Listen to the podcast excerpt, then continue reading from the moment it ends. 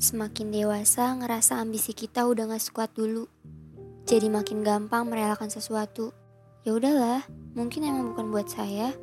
Nanti pasti dapat yang lebih baik lagi. Itu pikirku. Boleh jadi alasan kita ngelakuin ini bentuk dari lelahnya perjuangan kita dulu. Tapi kita gak sadar akan itu.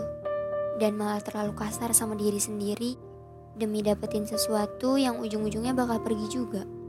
Aku, kamu, dan orang di luar sana pasti lagi ada di titik lemah ini yang lebih merelakan apa pun yang datang dan pergi. Dapat ya syukur, nggak dapat ya nggak apa-apa selagi nggak rugi.